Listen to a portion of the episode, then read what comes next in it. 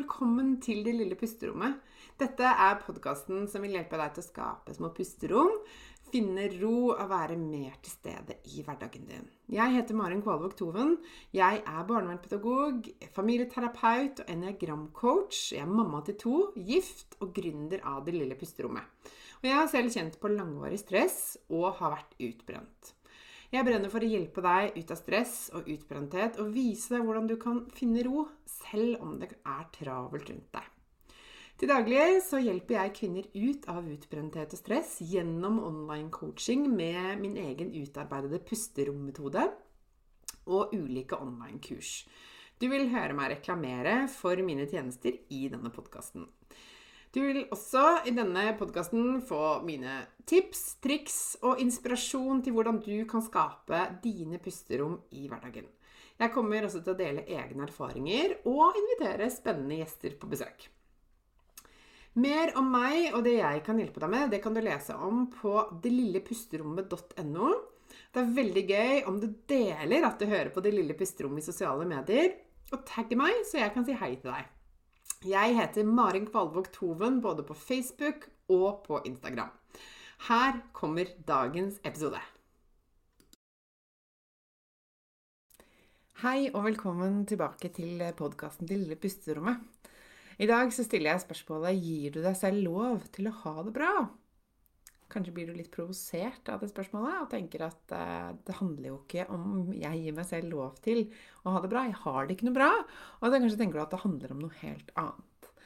Og bare for å ha det helt klart, jeg sier ikke at uh, du bare kan si til deg selv at du skal ha det bra, og så er alt løst. Um, for det er så klart mange faktorer inne i bildet i forhold til um, hvordan du har det. Og det er både ytre faktorer og indre faktorer. Og du tenker kanskje at mye på um, ytre faktorer, som andres forventninger, eh, ansvar du har på forskjellige eh, arenaer, roller du skal fylle, forpliktelser som du har, osv. Og, og at det eh, i stor grad er med på å påvirke hvordan du har det. Og det er det jo selvfølgelig. Men i dag så skal vi snakke litt om det som skjer på innsiden i deg. Det som skjer inni deg, og det som du kan være med på å påvirke, da. For jeg tror at noe av den viktigste endringen eh, du kan skape hvis du ønsker å eh, stresse mindre og ha det bedre og være mer til stede i hverdagen din, det er å gjøre noe på innsiden. Så i dag skal vi snakke om hva det kan være på innsiden som hindrer deg, og eh, jeg skal gi deg noen tips til hva du kan gjøre, hvordan du kan forholde deg til det som kanskje hindrer deg i dag. Så jeg håper du vil eh, følge med og få med deg de tipsene. De kommer litt senere. Og det første jeg har lyst til å snakke litt om, det er om du gir deg selv lov til å stoppe opp og faktisk kjenne etter hva du trenger. Hva er det som skal til for at akkurat du skal ha det bra? Kanskje er det noe helt annet for deg enn det er for meg eller enn det er for de du har rundt deg.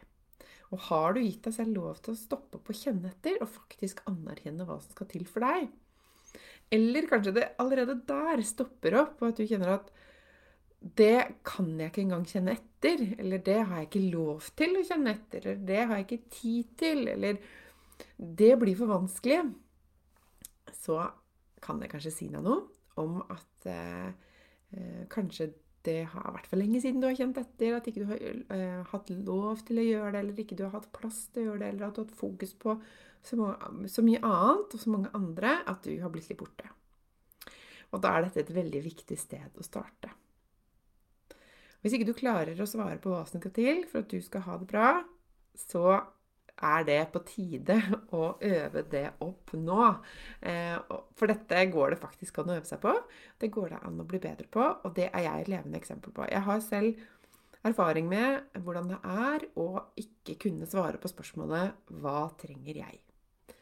Eh, det var borte i mitt liv, og det var en av hovedårsakene til at jeg ble utbrent og stoppet helt opp det var rett og slett fordi at eh, jeg overhodet ikke lyttet til hva jeg trengte. Eh, jeg ga ikke meg selv engang lov til å ha noen egne behov. Fokuset mitt var bare på alle andre. Og da er det jo ikke så rart da, over tid at eh, det sier stopp. At det ikke er så mye mer å gå på. At kroppen til slutt sier ifra, og at man må liksom gjøre noen endringer. Så det er det første et viktig steg og et viktig spørsmål å stille deg hvis du eh, ønsker å skape en endring. Kanskje vet du hva du ønsker deg. Kanskje har du noen drømmer, kanskje har du noen ønsker eller noe du ser for deg, eller kanskje vet du at du trenger en endring, men det er liksom et eller annet som hindrer deg i å gjennomføre det. Og dette kan være flere ting, og det kan være ulikt for deg og for meg hva det handler om. Men jeg skal nevne noen eksempler nå på klassiske hindre eh, til hvorfor eh, du ikke kommer deg videre og at du ikke får til å, skape den hverdagen som du egentlig ønsker deg. Og en, eh, et eksempel som er ganske vanlig, det er at jeg må ha alt på stell rundt meg. Jeg må ha alt i skjønneste orden eller være i rute før jeg kan tenke på meg selv. Det er umulig for meg å sette meg ned og slappe av eller eh, gå meg en tur eller gjøre noe annet som er bra for meg, som jeg vet jeg egentlig trenger, når det er rotete rundt meg, eller når jeg ikke er i mål med husarbeidet, eller når jeg vet jeg har masse jobb, jeg er ikke eh, i jour med arbeidsoppgavene mine på jobben, eller andre ting. Kanskje kan det være med på å hindre deg i å eh, ha det bra, rett og slett. Eller så kanskje du tenker så mye på alle andres behov. Det er så mange andre som trenger deg. På jobben, eller hjemme, familien, eller kanskje du eh, sitter i styrer eller deltar og eh, er engasjert på forskjellige områder. Alle trenger deg til noe.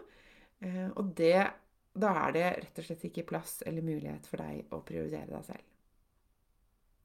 Eller kanskje er du redd for å tenke mye på hva andre mener om hva du gjør, og at du føler deg veldig egoistisk eller er redd for at andre skal se på deg som veldig egoistisk hvis du setter av tid til deg selv, og at det hindrer deg. Det kan være mer enn nok i å faktisk eh, gjøre at du ikke vil ta vare på deg selv eller fylle på med det du kanskje trenger mer av.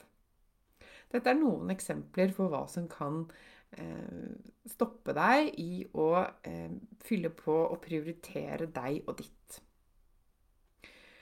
Og felles for mange av disse, disse eksemplene, og enda flere, er jo ofte at den dårlige samvittigheten kommer snikende på. Med en gang kanskje, kanskje du blir invitert ut på noe hyggelig, og så tenker du nei, det kan jeg jo ikke, for hvordan blir det for familien min?